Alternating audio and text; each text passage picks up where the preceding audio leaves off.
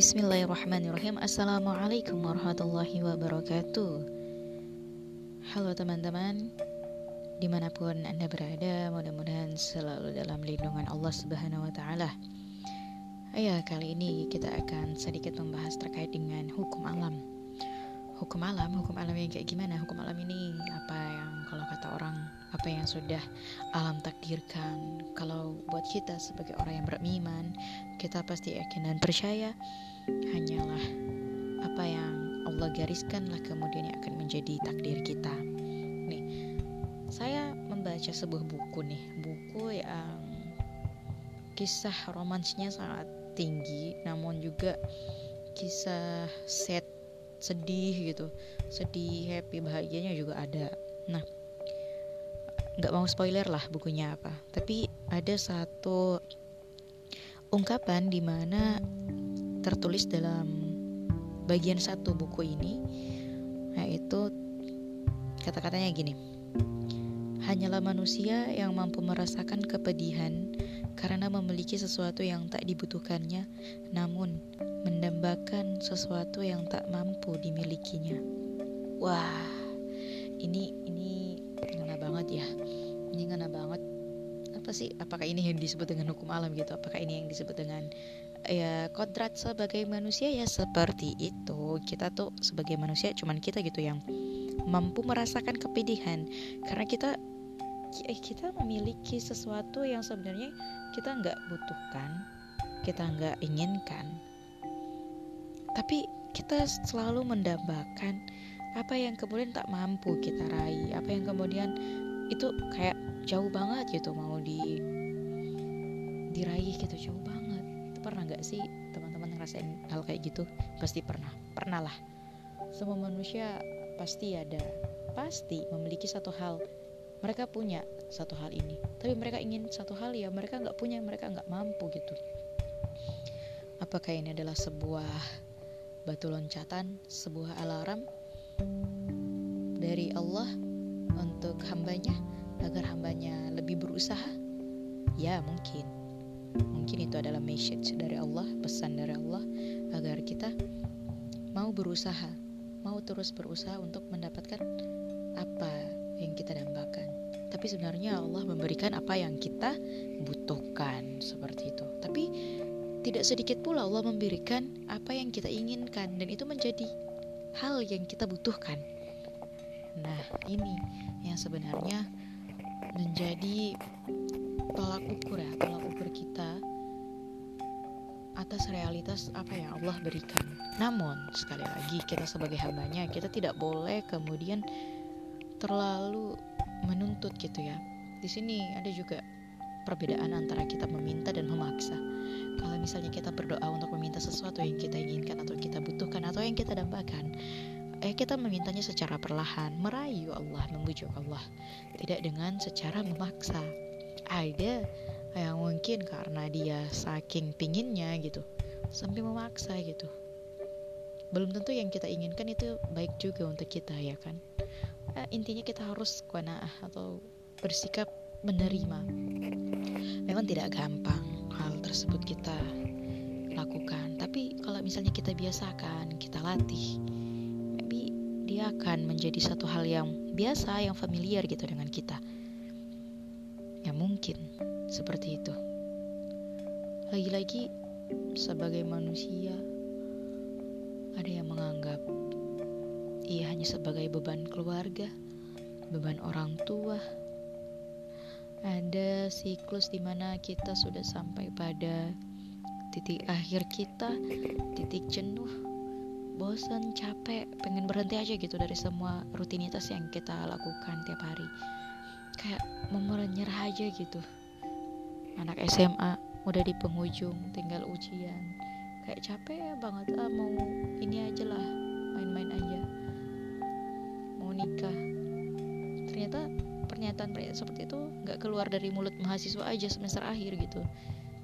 Anak SMA, SMK juga kayaknya mereka gitu bukan kayaknya lagi sih emang faktanya ya begitu faktanya apalagi seiring berkembangannya zaman teknologi yang membuatkan eh membuatkan sih teknologi yang membuat akses ke mana pun itu menjadi lebih mudah dan lebih cepat salah satunya yaitu dia efek negatifnya.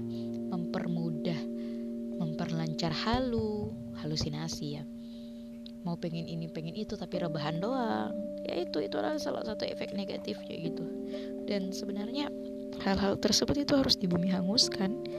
Tidak boleh menjadi suatu bahan pokok untuk menjadi makanan sehari-hari. Nggak bagus banget sih sebenarnya nggak bagus eh tapi ibda binafsi harus mulai dari diri sendiri kalau bukan dari diri kita sendiri.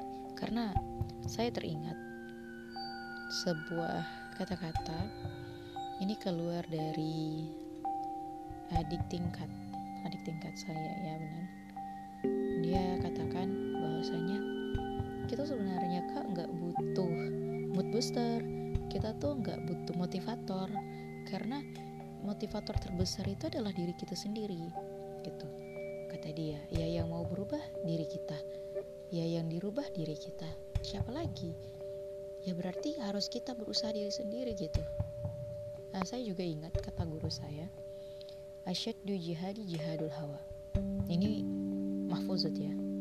Nah, artinya itu uh, sebesar besarnya jihad paling susahnya jihad paling besarnya jihad itu adalah jihad melawan hawa nafsu ya hawa nafsunya siapa ya? Hawa nafsunya kita lah bos. Hawa nafsunya kita itu paling susah gitu dilawan diri kita sendiri. Ya ini sebenarnya. Ya Allah memberikan akal sama hawa nafsu. Ya tinggal bagaimana lah kita mengaturnya ya kan? Tapi lagi-lagi ketika kita balik lagi ke konteks hukum alam tadi alam memberikan pelajaran Alam juga memberikan kita keindahan. Alam juga kadang memberikan kita obat. Alam juga memberikan kita ketenangan.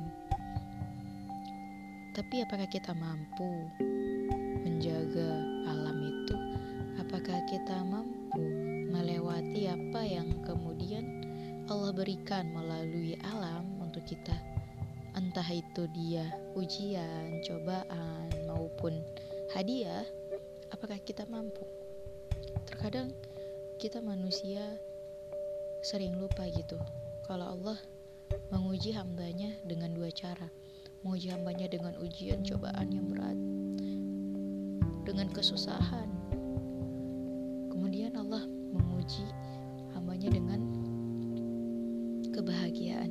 Nah ini yang bahaya, nih bahaya. Lebih baik kalau bisa ya disuruh memilih untuk paket ujiannya saya mau paket ujian yang susah aja lah. Jadi susah eh, nggak uh, makan seharian. Eh bukan nggak makan seharian sih. Uh, misalnya jatuh miskin miskin banget sakit-sakitan. Itu kan ujiannya Allah kita susah gitu ya. Daripada kalau misalnya Allah uji kita untuk jadi kaya raya terus lupa sama Allah. Itu itu bahaya itu berarti kita dijauhkan gitu ya. Dijauhkan paling enak ketika iman sudah stabil, iman sudah kita genggam, iman itu terkontrol gitulah. Allah uji dengan paket ujian susah, paket ujian senang juga. Uh, kita fine fine aja gitu, gak akan lari gitu, gak akan keluar dari koridor kita. Tetap baliknya ke Allah, ke Allah lagi, ke Allah lagi, ke Allah lagi. Allah uji kita dengan kesusahan, kesakitan dan sebagainya. Ya balik ke Allah. Allah uji kita dengan kebahagiaan, berlimpahan harta, bergelimangan harta dunia. Ya tapi kita tetap ingat Allah. Kita tahu kita sadar kita punya kewajiban kemudian untuk memberi sedekah untuk membayar zakat ketika kita punya kelebihan kita berbagi rizki kepada saudara-saudara kita. Ya itu adalah sebuah kesadaran. Kemudian itu ya kita lolos gitu dari ujiannya Allah seperti itu. Ya kadang-kadang kita nggak tahu juga gitu ya ujiannya kapan di mana kalau sekolah kita belajar untuk ikut ujian, kuliah kita belajar untuk ikut ujian, tapi dalam kehidupan kita ujian untuk belajar. Ya kan? Nah, makanya sistem hidup ya, sistem hidup atau mindset yang ingin banget saya tekankan dan biar nggak hilang itu adalah yang dipraktekkan dalam pelajaran atau mau belajar. Uh, jangan belajar untuk ujian, tapi adanya ujian itu untuk belajar seperti itu ya mungkin hanya itu yang ingin saya bahas. Terima kasih telah mendengar. Sampai jumpa di episode episode selanjutnya. Thank you. Assalamualaikum warahmatullahi wabarakatuh.